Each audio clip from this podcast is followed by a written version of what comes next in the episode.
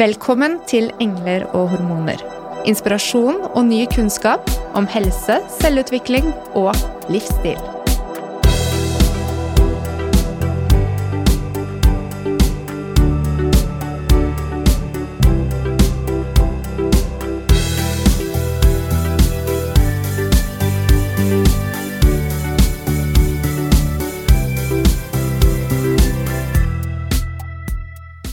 Hvem er du? Og hva er forskjellen på identiteten du skjuler deg bak, og identiteten du lever i ditt indre liv? Hvordan er sivilstatus når det kommer til din selvfølelse? Og i dag så skal vi utforske nemlig dette, selvfølelsen vår, og litt selvtillit, med vår kjære Anniken Binds. Mhm. Mentaltrener, surfer, you name it. Ja.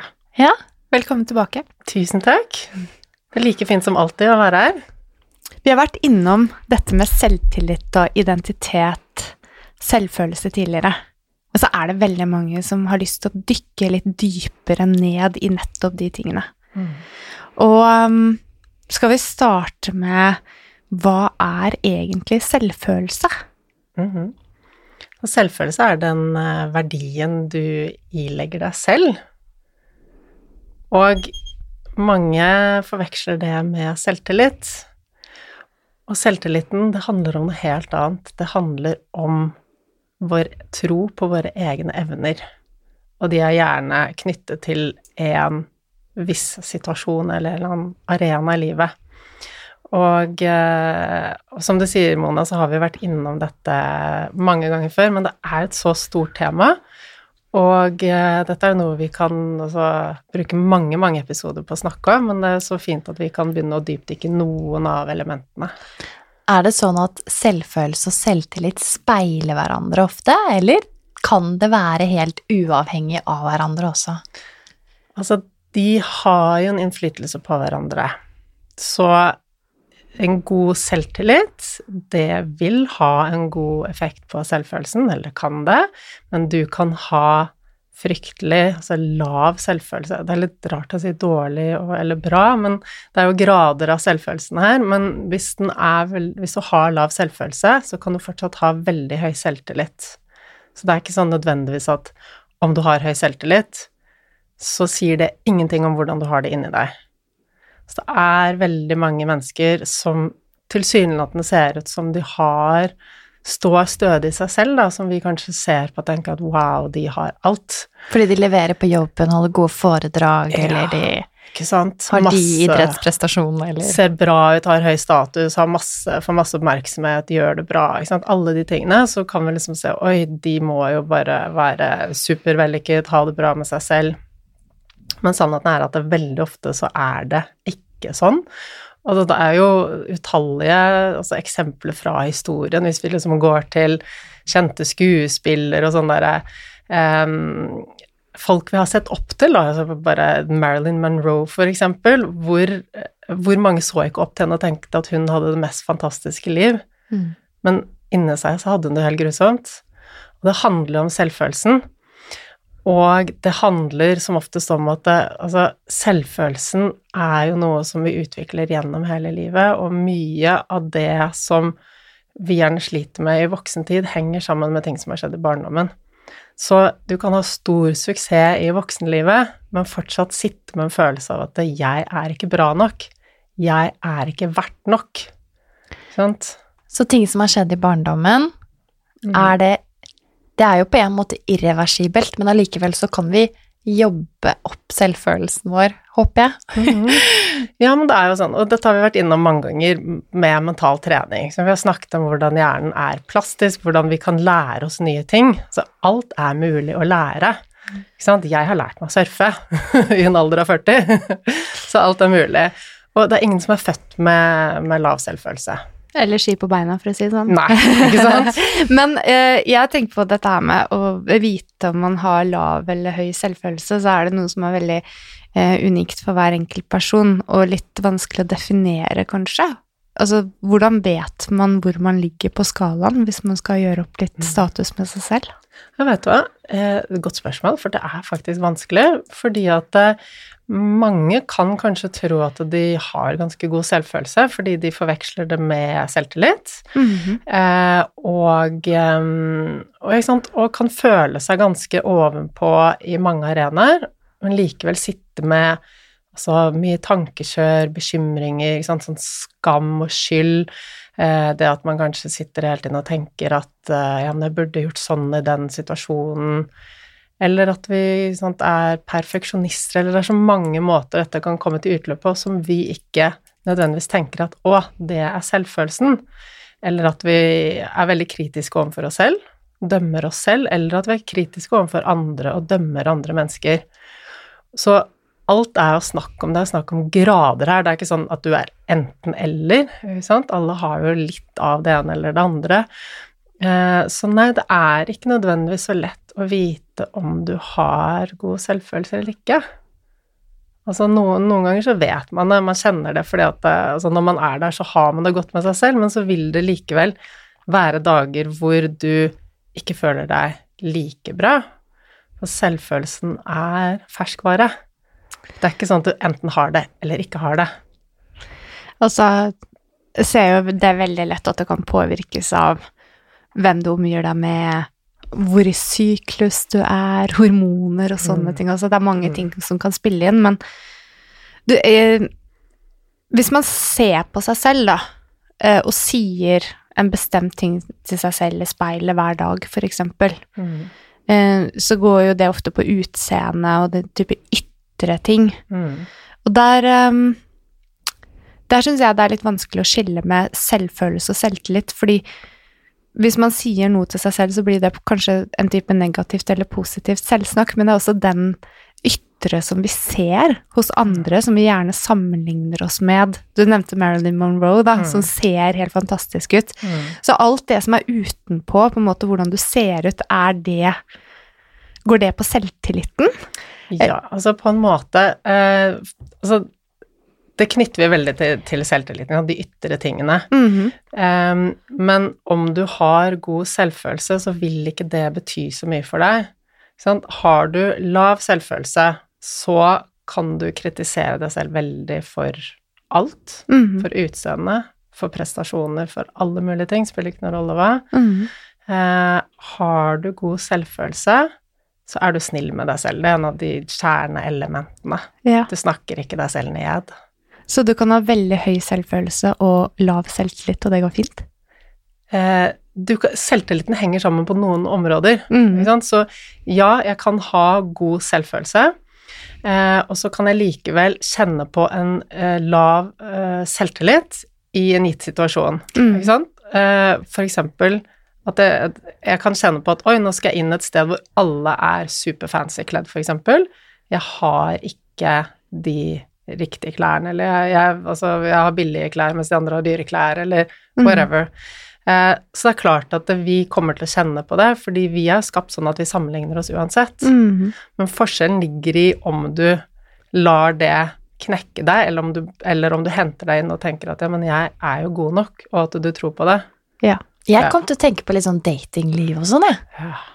At du kan ha god selvfølelse, kanskje, eh, og tenke at eh, kjemien ikke stemmer i møte med noen, men samtidig så kan du ha dårlig selvtillit i det du skal på en første date, eksempel. Mm. Ja. Det er jo naturlig å være nervøs før en første date.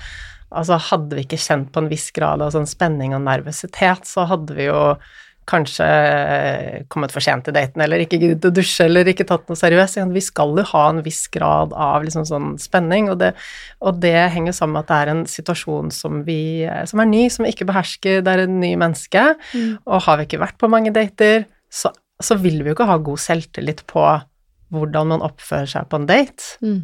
Sant? Det kan fort bli litt sånn hva sier jeg, og hva gjør jeg, og Har man vært på noen Tinder etter, så går det lettere etter hvert. Ja, sant? Da har du god selvtillit på det. Du kan de standardfrasene, ikke sant?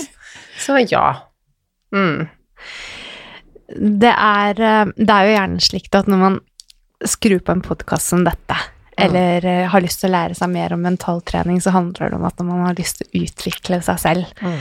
Og mange tenker på det å ha en god selvfølelse som, kan, som kan gi en bedre livskvalitet. Mm.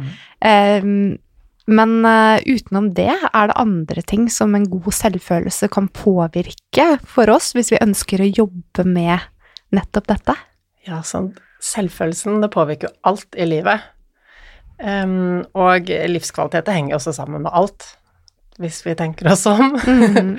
Men altså, selvfølelsen, den henger jo sammen med helsen vår, for eksempel. Altså, har vi lav selvfølelse, så vil det si at vi snakker mye dritt til oss selv, at vi har masse tanker som ikke er så positive. Mm. Det vil skape masse stress.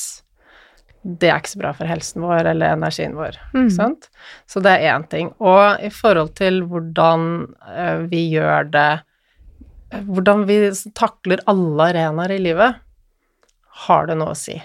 Altså, Det, det, ja, det har noe å si for absolutt alle arenaer i livet. Har man en lav selvfølelse, vil det da også være vanskelig å opprettholde god selvledelse? Ref tidligere episode som vi har spilt inn denne sesongen. Ja, og det er et veldig godt eksempel. Selvledelse, da snakket vi om det å ta ansvar for seg selv, og det henger sammen med å sette grenser, ikke sant? Um, vite hva som er riktig for oss, og det å jobbe, ha liksom troen på at um, vi kan gjøre noe for oss selv, og at vi faktisk gjør noe for oss selv, at vi holder løftet til oss selv. uh, og passer på oss selv. Så alle de tingene henger sammen med lav selvfølelse. Så um, tror vi ofte ikke på at vi kan gjøre noe for å forbedre det, fordi vi har en identitet som tilsier at eh, ja, men jeg bare er sånn. Mm. Ting bare er sånn. Eh, og, og da blir det vanskelig å komme forbi den. Blir man oftere en såkalt liksom giver ved eh, dårlig eller lav selvfølelse? Altså, det her eh, har jeg ikke sett noe statistikk på. noe Nei, men- altså, det, er sånn, det er et veldig relevant spørsmål.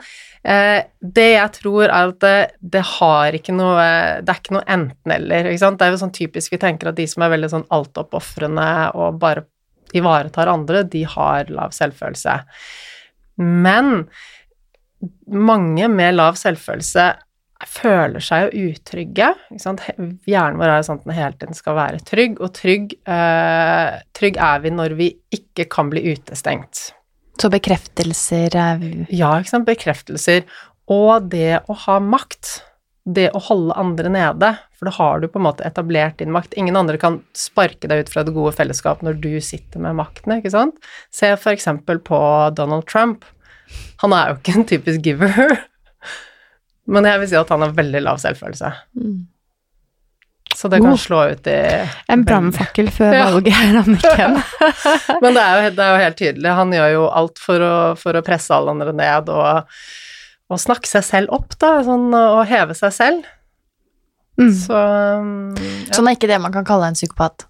Ja, det er han også. Også.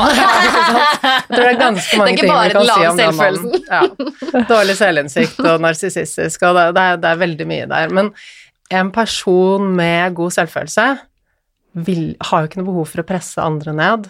Mm. Fordi da er man så trygg i seg selv, og grunnen til at vi mobber eller dømmer eller kritiserer eller stenger andre ute eller driver med hersketeknikker eller hva det nå er, det er jo at vi har lav selvfølelse. Ikke sant? Og jeg vet i tidligere episoder så har vi vært innom hersketeknikker, og det er jo et spennende tema, men det vi kan tenke på at det, hver gang noen kritiserer deg eller dømmer deg eller bare gjør et eller annet for å, å presse deg ned, så skal du vite at det er egentlig de som har et problem inni seg. Mm. De som føler seg svake, og de føler seg truet av deg på et eller annet vis. Og de finner tryggheten ved å kontrollere deg. Det er enklere å si til voksne enn barn, Anniken. Ja. For jeg tenker det, det er en så typisk eh, ja, setning som kanskje blir sagt til et barn som blir mobbet. Mm. Og jeg tenker litt på å gå tilbake til dette med utvikling av selvfølelse. Mm. Um, som foreldre så ønsker man jo ofte å bidra til at barnet får utviklet en god selvfølelse. Mm. Eh, hva og hvilke steg på veien er det som er viktig for utviklingen av selvfølelsen? det er fint at du spør om. Nå må jeg si at jeg er ikke ekspert på barns eh, oppvekst og utvikling, men det jeg vet, og det som, eh, det som er viktig, er å se barnet og anerkjenne følelsene. Fordi som jeg sa, så handler selvfølelsen om din verdi, sånn du oppfatter deg selv, at du oppfatter deg selv som et verdifullt menneske. Så hver gang et barn får høre at 'nei, men nå må du slutte å gråte', mm. det der er ikke så farlig. Uh, 'Hvorfor er du lei deg nå?' Det der er ikke noe å være lei seg for. Nei, dette har vi ikke tid til nå. Ikke sant? Eller hver gang mor og far sitter og ser på en telefon eller er opptatt med jobb, 'jeg har ikke tid til det nå', det forteller barnet at 'jeg er ikke verdt noe', eller 'jeg er ikke verdt nok'. Og når barnet, når vi er små, så det er jo den tiden vi skal bare Vi skal lære av omgivelsene, for vi skal jo, vi skal jo bli voksne mennesker som skal ferdes i samfunnet. Mm. Så alt som er rundt oss, det tolker vi absolutt hele tiden. Men så er jo ikke barns hjerner Altså, vi har jo ikke nok eh, eh, informasjon til å tolke det på en måte som voksne tolker omgivelsene på. Mm. Så da kan slutningene bli Mamma og pappa er ikke glad i meg, jeg er ikke verdt noe. Jeg fortjener ikke kjærlighet med mindre jeg har ryddet rommet mitt, f.eks. Eller med mindre jeg har prestert på og kommet hjem med en eh, premie fra, fra fotballbanen, ikke sant. Og det vet jeg vi har nevnt før også, men typisk eh, foreldre er og at vi sier til barn 'Å, så flink du er', eller 'Å, så bra'. Eh, om du har tegnet den tegningen, eller om du eh, vant den konkurransen, ikke sant. Så helt en sånn 'Å, nå er du flink, nå er du flink'. Men hva når barnet ikke er flink? Bare er seg selv? Bare er seg selv. Hva når barnet er vanlig? Mm. Eh, og en sånn en ting som jeg syns er litt spennende, eh, som også henger sammen med dette, er eh, dagens foreldregenerasjon, som er litt redde for å bli gamle, og som helst skal se bra ut. Vi skal helst liksom eh, gå Birken, vi skal klatre Kilimanjaro, og vi skal være flinke på jobben, vi skal være flinke på alle arenaer. Så vi lærer jo opp barna til det å prestere og det å være flink. At det er det som er liksom det gjeldende. Eh, hvor er det da Hvor blir det da bare det vanlige? Hvor er det rom for det vanlige? Ikke sant? Mm. Så, så, det er jo viktig Og jeg kjenner på det selv med mine barn, for jeg oppfordrer de til å være med ut på ski og gjøre morsomme ting. Men så har jeg vært veldig bevisst på at det, jeg vil ikke lære de at den eneste gangen jeg har det gøy med de, er når ting er på mine premisser, at vi gjør ting som jeg syns er kult, mm. for da kan det fort bli en sånn uh, greie om at barna Ja, men de søker jo anerkjennelse fra oss, og de gjør de tingene som de tror at vi forventer av dem for mm. å få anerkjennelse. Mm. Og eh, så det er jeg veldig bevisst på, at de skal få lov til å like å gjøre sine egne ting, og at det er like bra og interessant. Så, det tror jeg er superviktig. Ja. Mm. Men jeg tror også i det samfunnet vi lever, hvor vi har to foreldre som jobber fulltid, eh, og det er hektisk etter skolen, eh, vi skal innom masse aktiviteter, og det er hele tiden ting som skjer, så blir det lite rom for å se barna. Mm. Det er hele tiden gjøre, gjøre, gjøre, og så har foreldrene dårlig samvittighet, så da får barna litt ekstra iPad, eller de får noen ekstra, ekstra sportsutstyr, eller de får en tur i hoppeland eller trampolineland, eller hva det er for noe, istedenfor å bare sette seg ned og bruke tid med barnet på barnets premisser. Mm. Det trenger jo ikke å være så vanskelig Nei. eller så avansert. Men jeg tror ikke, jeg tror ikke vi vet uh, egentlig konsekvensen av Vi gjør jo vårt beste, ikke sant. Alle gjør vi vårt beste. Uh, men for at barna skal utvikle god selvfølelse, så må vi se dem. Vi må anerkjenne hver følelse. Og det er ikke alltid det passer. I dag tidlig så måtte jeg jo egentlig få datteren min ut av døren klokken åtte, og da slo hun seg helt vrang. Og da trengte jeg bare å legge bort alt av stress og mas i hodet mitt, og bare ok, hva trenger du nå for å ha det bra? Så jeg satt meg ned et kvarter og snakket med henne til vi fikk snudd det. Mm. Hvor jeg anerkjente den følelsen. Det er ok å kjenne på sånne følelser, ikke sant? Noe som var leit. At man liksom rir av stormen, eller ja. følelsen, sammen? Ja. Fremfor å For jeg tenker jeg, jeg tenkte litt sånn hver gang Eivind, som sønnen min heter han, hver gang han eh, faller, for eksempel, og kanskje begynner å gråte, Mm. så har man gjerne en tendens til å si 'å, opp igjen', og det går bra. Ja, ja. Men det er kanskje ikke så smart, liksom, bare det. Nei, altså, jeg, nå, er- jeg er ikke noen ekspert på små barn og akkurat det der, og så, så du skal jo på en måte også lære barna at de ikke kan bli drama queens, så det er jo snakk om en balanse, men eh, vi kan lære de at du får lov å være sint, du får lov å være lei deg, men det er ikke alltid passende i den situasjonen. Selv om du er sint, så kan du ikke slå søsteren din, ikke sant? Og det er jo dette med selvregulering eller selvledelse også. Ja, du er sint, men du kan ikke gå rundt og slå. Så det er greit å ha følelsen, men de skal lære hvordan vi behersker den i omgivelsene, da. Mm. Meditasjon med barn. Ja. Altså, du har jo lang erfaring og fartstid innenfor eh, yogaen og med yoga nidra og meditasjon, og bruker du det selv mot egne barn, eller Ja. med egne barn? Veldig godt spørsmål. Så jeg har to barn som er veldig forskjellige. Det ene barnet hadde nok hatt behov for mye av dette, men er ikke mottakelig. Eh, Jeg har vurdert å spille inn noen lydspor som jeg skal spille av eh, når han sover, men det har jeg ikke gjort ennå. Det andre barnet elsker det. Og i typisk sånn uh, avspenninger så kan du legge inn mye uh, altså type affirmasjoner og sånn uh, styrkende snakk, da, som gjør at barna kan få en større tro på seg selv. Mm. Så det er utrolig fint. Kanskje sånn før leggetid og sånn òg? Ja, ikke sant. Det er, eh, det er en del som eh, eller Jeg vet at det finnes eh, folk som bruker lydspor som barna hører på for å kunne falle til ro, som er typisk også for å bygge god selvfølelse. Så gjentagende type affirmasjoner sagt av foreldre til barn kan være med å bygge opp en god selvfølelse. Ja. Ja, Mm. absolutt. Og så å lære de til å si ting til seg selv. Og jeg spør jo eksempel datteren min hva er det du liker ved deg selv? Hva er det du liker best ved deg selv? Mm. Så hvor ofte spør vi de om det? Mm. Ikke sant? Og hun blir jo sånn Å, jeg liker at jeg er så glad! så ja. Så fint. Mm, det er kjempefint. Spør du deg selv om det òg da, Anniken? Eh, nei, det har jeg faktisk ikke gjort, men jeg tenker mye på eh, ja, forholdet til meg selv. Fordi for, som eh, voksne i forhold til barn, så er Mm. vi på en måte kanskje vant til å komme med input og guiding og veiledning.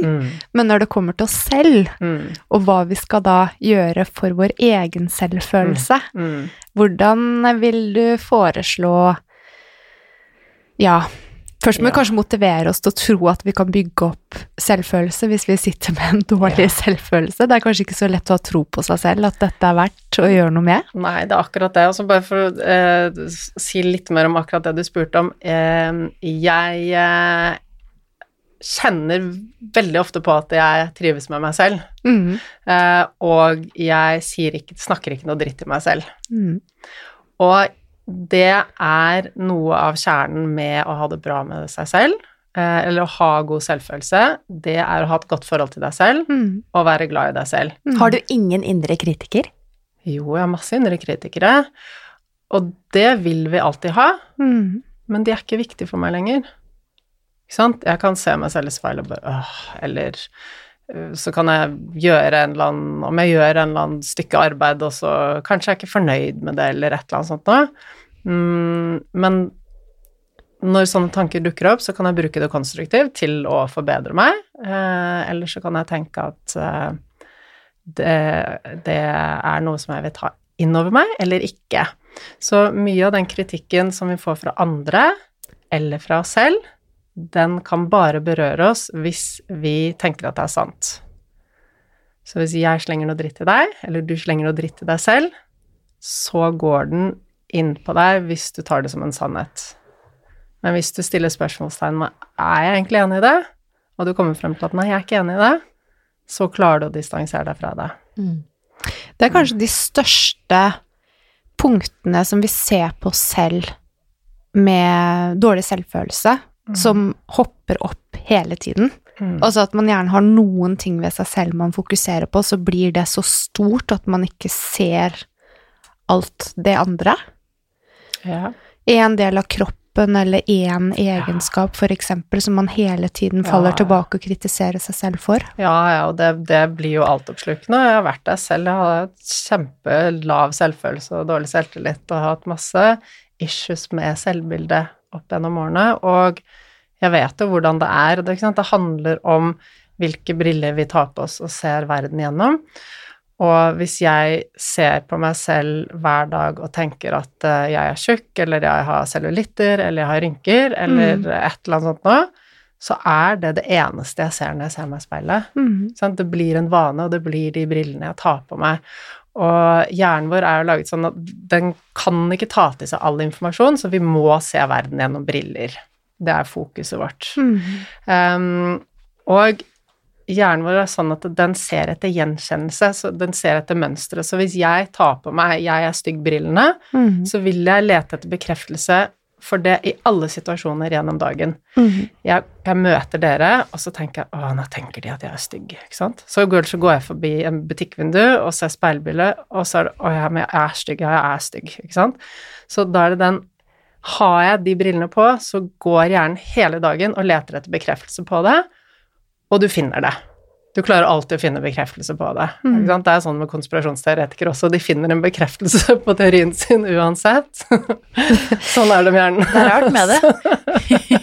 Det vil jo farge veldig mye av hvordan vi kommuniserer også, for jeg tenker hvis jeg hadde møtt deg etter den gåturen din hit i studio i dag, Anniken, og jeg ville gitt deg et kompliment fordi jeg syns du hadde en fantastisk T-skjorte på deg i dag, så ville jo ikke du tro på meg. Nei, ikke Så det ville, vi ville fått kanskje da mindre tillit, eller du ville hatt mindre tillit til meg på grunn av Mm. at du Mm. hadde snakket negativt til deg selv, Mm. for du ville ikke stole på meg, Mm. eller er det Mm. Det kan Mm. være. Det påvirker, altså.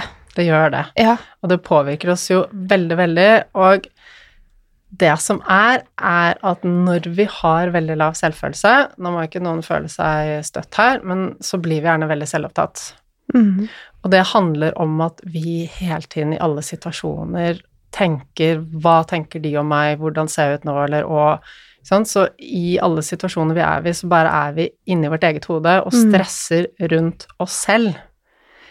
Men sannheten er at det, det er ikke så veldig mange andre utenom oss selv som er interessert i oss Det er veldig rart, akkurat det der. helt ærlig. Det er så morsomt, for det er så mange som sier det når de skal begynne på yoga. De vil ikke gå inn, for de er så redd for hvordan de ser ut i forhold til alle andre. Ja. Og så er det bare sånn Ingen bryr seg om deg. Ingen legger merke til det. Og Alle sånn bare er tenker på om de, om de ser fine ut i tightsen sin. Så ja, Har du aldri tenkt på det selv? Hva? Sånn, har du aldri tenkt på det selv, eller tenkt de tankene selv? Sånn sånn, å, jeg er redd for å løpe på tredemølla, fordi da ser kroppen sånn og sånn ut, eller Alle har jo tenkt på det. Ja. Ja. Ikke sant? Det skjerper deg litt ekstra når det kommer noen inn, eller et eller annet sånt. Mm. Men det jeg vil si, da Nå har jeg et super, superbra tips. Eh, fordi at eh, ja, alle blir jo trukket inn i den 'hva syns andre om meg', fordi vi sammenligner oss med andre. Det gjør vi automatisk. Sånn, vi er programmert til å gjøre det. Men vi, når vi er bevisste på dette, så kan vi snu det.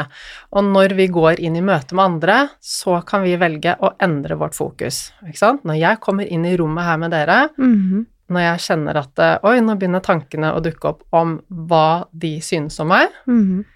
så kan jeg stoppe det. Jeg må først vite at det er viktig for meg å stoppe det. Det er viktig fordi at eh, det eh, Om jeg kritiserer meg selv, så ødelegger det selvfølelsen min. Det skaper stress, og det gjør at jeg ikke er til stede i situasjonen og går utover relasjonen og den kommunikasjonen vi har. Så det er mange gode grunner til at eh, jeg har lyst til å stoppe den derre indre narsissistiske greia med 'hva tenker de om meg nå'? Snu det heller til å gi til den du møter. Få den andre personen til å føle seg bra. Mm. Fordi at eh, mennesker husker ikke hvordan du så ut, de husker hvordan du fikk dem til å føle seg. Ja. Og det er bare mitt beste tips. Nei, du, det er vanskelig å liksom drive og slutte å sammenligne seg og slutte med sånne ting, men bare gjør noe annet istedenfor. Gjør noe annet som får fokuset bort fra deg, som bringer deg til stede i situasjonen, Mm. og som connecter deg i kommunikasjon med den andre. Gi, ha fokus på den andre, spør den andre hvordan det går, etc. Mm. Ja. Spre litt god energi. Ja. Og det funker. Og hjernen vår kan ikke tenke på to ting samtidig. Så hvis du tenker på å spre god energi til den andre personen, eller bare lytte til det den andre personen sier, Mm. så kan ikke du drive og tenke på hva syns de om meg? Og så kommer selvfølgelig den tanken tilbake, og da er det bare sånn ok, nei, men bort med den. Gi noe positivt til den personen jeg snakker med. Mm. Det er klart at det er en treningssak, men det funker. Kan ikke tenke på to ting samtidig, så velg å tenke på den tingen som tar deg borte fra den dårlige selvfølelsen. Mm. Jeg blir litt sånn nysgjerrig på hvordan vi kompenserer for en dårlig selvfølelse, da. Fordi du nevnte jo i stad at vi gjerne tenker at eh, de som har det og det og det av materialistiske ting, eller har eh, oppnådd sånn og sånn, at de må jo ha kjempegod selvfølelse. Mm. Men kan det også være en type kompensasjon for noe som er lavt, da? Ja, absolutt. Vi har jo tidligere snakket om lykke. Eh, Hvordan vi ofte jager etter ting som vi tror gjør oss lykkelige, for det gir oss boost av lykkehormoner. Og det blir jo litt det samme eh, med har vi lav selvfølelse, så kan vi fort jage etter sant, prestasjoner, mestring, det kan være rusmidler, det kan være det å trene for mye, Raske biler. raske biler, eller bare det å være Store biler. bare det å være overaktiv, da, at man Mhm. hele tiden må gjøre noe, det er jo en måte å kompensere, fordi det fyller det tomrommet, det gir godfølelse i gåseøynene, ikke sant, masse lykkehormoner, og som døyver den ubehagelige følelsen, det stresset du har inni deg. Så helt klart, det er, det er typiske ting, også, som, som kan kompensere for hvordan du føler deg inni deg. prestisjevalg, på en måte. Altså, Mhm. se for meg Ja. De tingene man ofte ser på som det er prestisje å ha, Ja, men som ikke nødvendigvis har så mye faktisk innhold. nettopp. Mm. Altså, de som er veldig opptatt og jeg, skal, jeg sitter ikke her og sier at det, det er eh, dumt med fine klær eller mote eller fine biler eller noe sånt, for jeg syns fortsatt en bil, bil er fin og liker Mm. å ha på meg pene klær. Men eh, det om jeg har pyntet meg eller ikke, det påvirker ikke hvordan jeg føler meg. Eller jeg føler meg bedre hvis jeg har investert litt i meg selv, men jeg Mm. føler, ikke, føler meg ikke dårlig eller stygg eller eh, noe sånt hvis jeg går rundt i joggebukse. Nei. Ikke sant? Så Du trenger ikke klærne for å føle deg nei. som deg. Nei. Mm. Og så da, da kan vi se litt rundt oss og se de som er litt sånn sykelig opptatt av merkeklær, prestisjeting, den riktige bilen eller de tingene, det kan henge sammen med selvfølelse. Jeg sier ikke at nødvendigvis gjør det, det kan være mange andre faktorer som gjør at du er opptatt av estetikk eller hva som helst, da, men, men det blir en måte å, å altså Et skalkeskjul, da, for den, den eh, tomheten og den usikkerheten man har inni seg. En form for kompensasjon og prøve å lete etter den godfølelsen ved å Ja, ja, ha ytre ja ting. Så Mm. handler det om godkjenning også, det at du føler at du, du kan først bli godkjent hvis du har den riktige vesken. Mm. Sånn, hva skjer hvis du kommer inn i den settingen og du har helt feil klær? Blir du godkjent i den settingen Mm. eller ikke? Mm. Det er gjerne noe som kanskje betyr også mye når man er yngre, da. Mm. det man prøver å finne sin plass i flokken og Ja. leter etter hvem man er. Og da tenker jeg da Da kommer vi litt tilbake til identiteten vår. Mm. Eh, hvem vi egentlig er, på tross av at alle i niende klasse hadde de samme jakkene og samme vesken når de gikk eh, ved siden av hverandre, og så skal du utvikle deg selv. Ja. Hvordan vet vi hvem vi er? Nei, det er et godt spørsmål. Men og, ungdomsårene, de er jo en tid vi utvikles. Mhm. Og 20-årene Jeg tror ikke vi selv vet helt hvem vi er selv i 20-årene, kanskje når vi begynner å komme i 30-årene eller noe sånt. og Det er jo en stadig prosess og utvikling. Vi tar opp den igjen om 30 år. Ja, Ja. ikke sant? Ja. Mm. Eh, så Når jeg har spurt eh, eldre kvinner på benken om det, så sier de ofte liksom at jeg var tryggest i meg selv i sånn 50-60-årene. ja, Mm. Det var liksom prime time. ja, Og det er en gjenganger. det Det er bare å glede seg, da. Mm. Herlig. Da har vi den også frem til. men, eh, men ja, men dette med identitet um, Jeg jobber jo en del med selvfølelse og, og kjører kurs på det, og det er klart at det, er jo mye lengre prosesser enn det vi får snakket om her, men en viktig byggestein i Selvfølelsen er identiteten. Vi kan endre selvfølelsen vår. Vi er ikke født med dårlig selvfølelse, ikke sant? Den har vi lært oss eh, enten i barndommen fordi vi har tolket omgivelsen på en måte, eller i ungdomstiden fordi at det har vært vanskelig å passe inn? Vi er utrolig sårbare i de ungdomsårene, og da er det viktig for oss å passe inn. Da kan vi lære oss sannheter om oss selv som blir sittende igjen. Og de sannhetene henger sammen med identiteten vår, hva vi tror om oss selv. Så vi kan gjøre masse øvelser for å bygge selvfølelsen vår, og eh, over tid så vokser vi og utvikler oss, vi kan utvikle identiteten uten å være bevisst. Vi kan endre den, og vi kan også eh, endre selvfølelsen over tid, men en veldig rask måte å gjøre det på er å begynne å se på identiteten. Mhm. Og hva du tenker om deg selv. Og hvis du tenker Hvis en av dine sannheter er at 'jeg er ikke god nok', mm. eller hvis sannheten din er 'jeg har lav selvfølelse', det har jo alle andre i familien min også. Det er en selvfølge at jeg også har lav selvfølelse. sant? Hvis du har en identitet som 'jeg har lav selvfølelse', så kan du gjøre så mye affirmasjoner du vil, mm. men da tar det ganske lang tid, ikke sant? Ja. Når du kan begynne, når du kan skjønne at oi, jeg har en identitet som eh, ikke henger på grep med det jeg ønsker, ikke sant? Hvis du ønsker å ha god selvfølelse, så kan du ikke sitte fast i identiteten din 'jeg har lav selvfølelse', for det, det går ikke, ikke sant? Da kommer du til å slite. Så det å kunne endre på identiteten, sånn at den blir sånn som du vil ha den. Mm. Det er klart det er en prosess, og så henger det sammen med de tingene vi sier til oss selv. Det som er våre sannheter. Ja. Ja. Og nå snakker vi da ikke om å bytte navn, men vi Nei. snakker om å bytte ut noe annet i oss selv. ja, Ja. vi gjør det. Og vi snakket jo litt om dette her, Mona, og du nevnte eh, at du hadde gjort en øvelse på yogakurs Ja. i helgen. Ehm, jeg syns den passer fint inn her, men da tror jeg jeg trenger eh, litt hjelp av Ingvild, og kanskje litt hjelp av Anniken til å prosessere hva vi skal gjøre med det vi kommer frem til, hvis det går bra. Ja. Så kan vi ta med oss det som en liten øvelse som eh, du der hjemme kan gjøre for deg selv. Fordi eh, nettopp de å snakke om identitet, så er det litt interessant å stille seg selv spørsmålet 'Hvem er jeg?' og hvordan er det du ser på deg selv? Mm. Og den øvelsen som vi ble tatt igjennom, det gjaldt da å si I am, og så sette da noe etter den uttalelsen som passer for deg. Så for meg så vil det se ut for eksempel I am, eller jeg er på norsk, eh, mamma, jeg er eh, kone, jeg er eh, osteopat, jeg er fysioterapeut, jeg er podcaster, og så fortsetter du sånn. I rollene dine, du, da.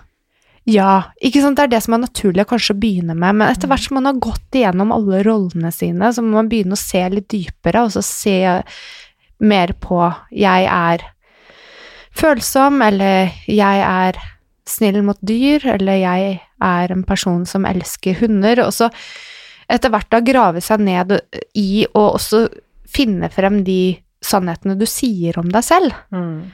Og det tenker jeg er en type bevisstgjøring, da, der du kanskje til slutt møter en vegg der du syns det er vanskelig å bare Du har ikke flere roller å betegne deg, så du må begynne å virkelig gå og se på deg selv, og hva er de tingene du sier til deg selv om hvem du er. Mm.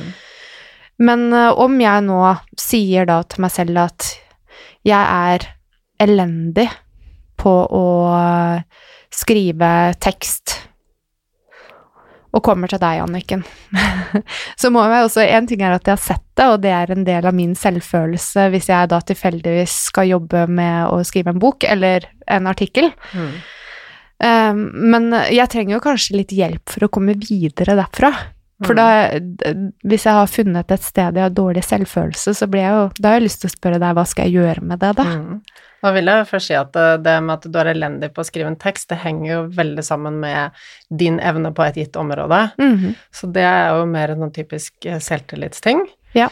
Eh, men selvtilliten og selvfølelsen den jobber vi med veldig likt når det gjelder eh, språkbruk, altså den indre dialogen, det vi sier til oss selv. Mhm. Og sannhetene er jo også det vi sier til oss selv, ikke sant. Jeg er ikke god nok, jeg er ikke verdt å bli elsket, jeg har lav selvfølelse. Mhm. Det ville jeg satt opp uh, og sett på, ok, når du sier det til deg selv, hvordan får det uh, deg til å føle deg? Og hvilke begrensninger uh, ser du som en konsekvens av dette? Altså hvordan begrenser det deg i livet ditt å ha den sannheten om identiteten din at jeg har lav selvfølelse? Hva er Mhm. konsekvensen av det? Og når vi da har fått det svart på hvitt og skrevet ned alt det, så blir det veldig klart at å, herregud, det, her- det her ødelegger så mye i livet mitt. Mhm. Og da er vi åpne for å se på ok, hvordan kan jeg formulere det på en alternativ måte. Hva kan jeg si til meg selv? Og da er vi ute etter en ny setning som vi kan si til oss selv, som vi ikke kommer til å tro på i starten. Det er helt greit, fordi vi er så vant til å si den gamle setningen og sannheten. Eller kan hende at du bare lyset går opp for deg, og at du endrer deg med en gang, men ofte så må vi øve oss litt på dette. Så hvis du sier eh, 'jeg er ikke god nok', så kan du endre det til 'jeg er god nok'. Og det er en fin setning som vi kan bruke i alle situasjoner. Som et type mantra. Ja. Jeg kan se veldig tydelig hvorfor ikke jeg ville tro på det hvis det var noe jeg virkelig slet med. Ja. Ikke sant. Mm. Så um, Så akkurat den setningen 'jeg er god nok', den uh, Når jeg holder kurs og, og jobber med kunder, Mm. så får jeg de til å skrive det overalt i hele huset og på lapper, altså overalt hvor man kan se det i hånden, sånn at man bare prenter det inn i hodet. Fordi at eh, det trenger vi å repetere litt, Mm. ikke sant. Det som er kjent for hjernen, det trives hjernen med. Det som er ukjent, det skaper stress. Eh, Hvis du er vant til å tenke at jeg er ikke god nok, så er Mm. det det du har lyst til å tenke. Og når du prøver å tenke 'jeg er god nok', så kommer det til å skje masse stress i kroppen din, og så Mm. kommer du til å si det er ikke sant', jeg er dårlig det og dårlig det, og de liker meg ikke, og sånn og sånn og sånn. Det høres litt latterlig ut, fordi Ja. man tenker at det, det hjelper jo ikke å gå og lyve til Ja. seg selv, på en ikke måte. sant? Så, så kommer du til å ha denne diskusjonen med deg selv, men det du skal vite er at alle de innvendingene som kommer, de, Mhm. de er også deg selv. Det er du som kommer med innvendingene, mm. og du kan stoppe de og si at nå er det nok. Er det om å gjøre å ikke si sånn 'jeg er flink'? Og si noe som funker for deg. ja. Mm. Og, og hvis du ikke er flink til å spille piano, så er det ikke vits å si at du er flink til å spille piano. Men er det dumt å typisk ha sånn 'jeg er flink'? For Flink. Jeg, Ja. ja, det er jo ikke et fint ord, egentlig. Nei, det er jo ikke det. Jeg ville heller brukt noe som bygger ressurser. Det at man på en Mm. måte Jeg gjør mitt beste, eller jeg er god nok, eller jeg har det som skal til.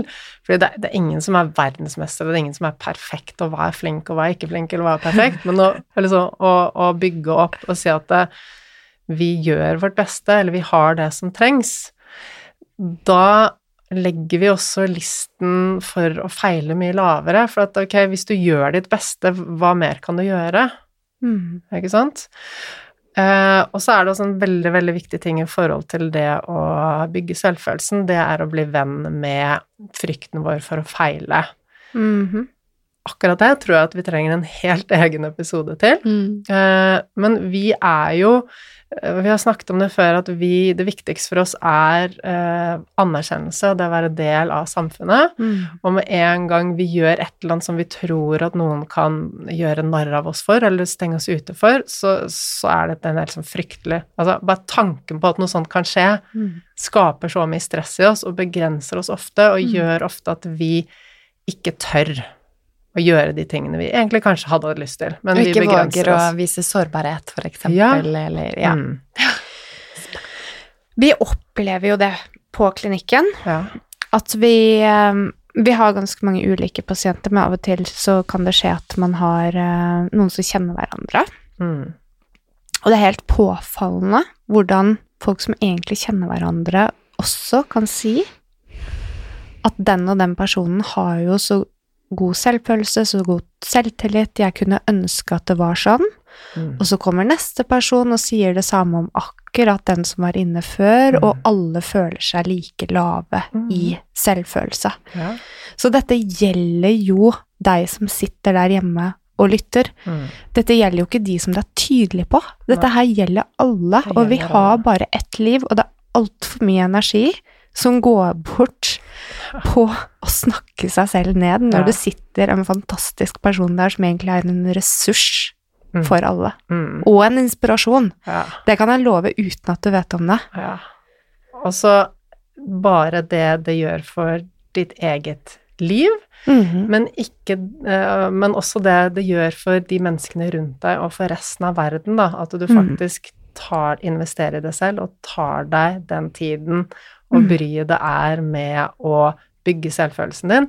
Og så tror jeg altså mye av min hovedmotivasjon for, å, for denne sendingen her var det å, å fortelle det at det er faktisk mulig å endre på. Ja. Vi er ikke født med lav selvfølelse. Det er ingen babyer som kommer ut og sier 'unnskyld at jeg er til', eller 'unnskyld at jeg sprayet bæsj', ikke sant? Jeg gulpet jeg. på deg og bæsjet på deg, og så kom og gi meg mat, ikke sant? Den eh, dårlige selvfølelsen vår, den har vi lært oss til. Ja. Og vi vet at det vi har lært oss, det kan vi lære oss av med. Vi kan lære noe nytt. Og så mener jeg også, som jeg har sagt mange ganger før, at det er mye tyngre å sitte Det er så mange som tenker ja, men jeg må prøve selv først en stund.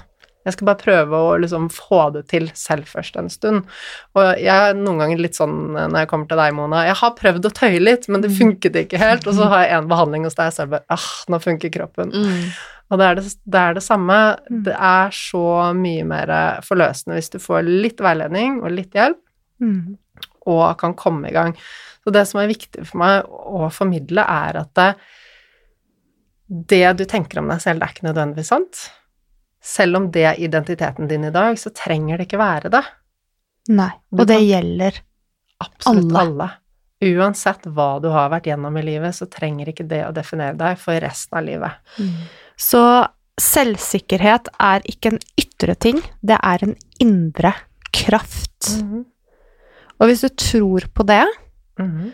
så kan du gå tilbake til episoden om selvledelse. Mhm. Og eh, Anniken har en fantastisk visualisering som du der hjemme kan bruke hver eneste dag for å føle deg bedre og bygge bedre selvfølelse. Og den ligger der til deg, og en link i episodebeskrivelsen. Tusen hjertelig takk for at du gjestet oss i dag. Det var like hyggelig som alltid. Ha en fantastisk dag videre.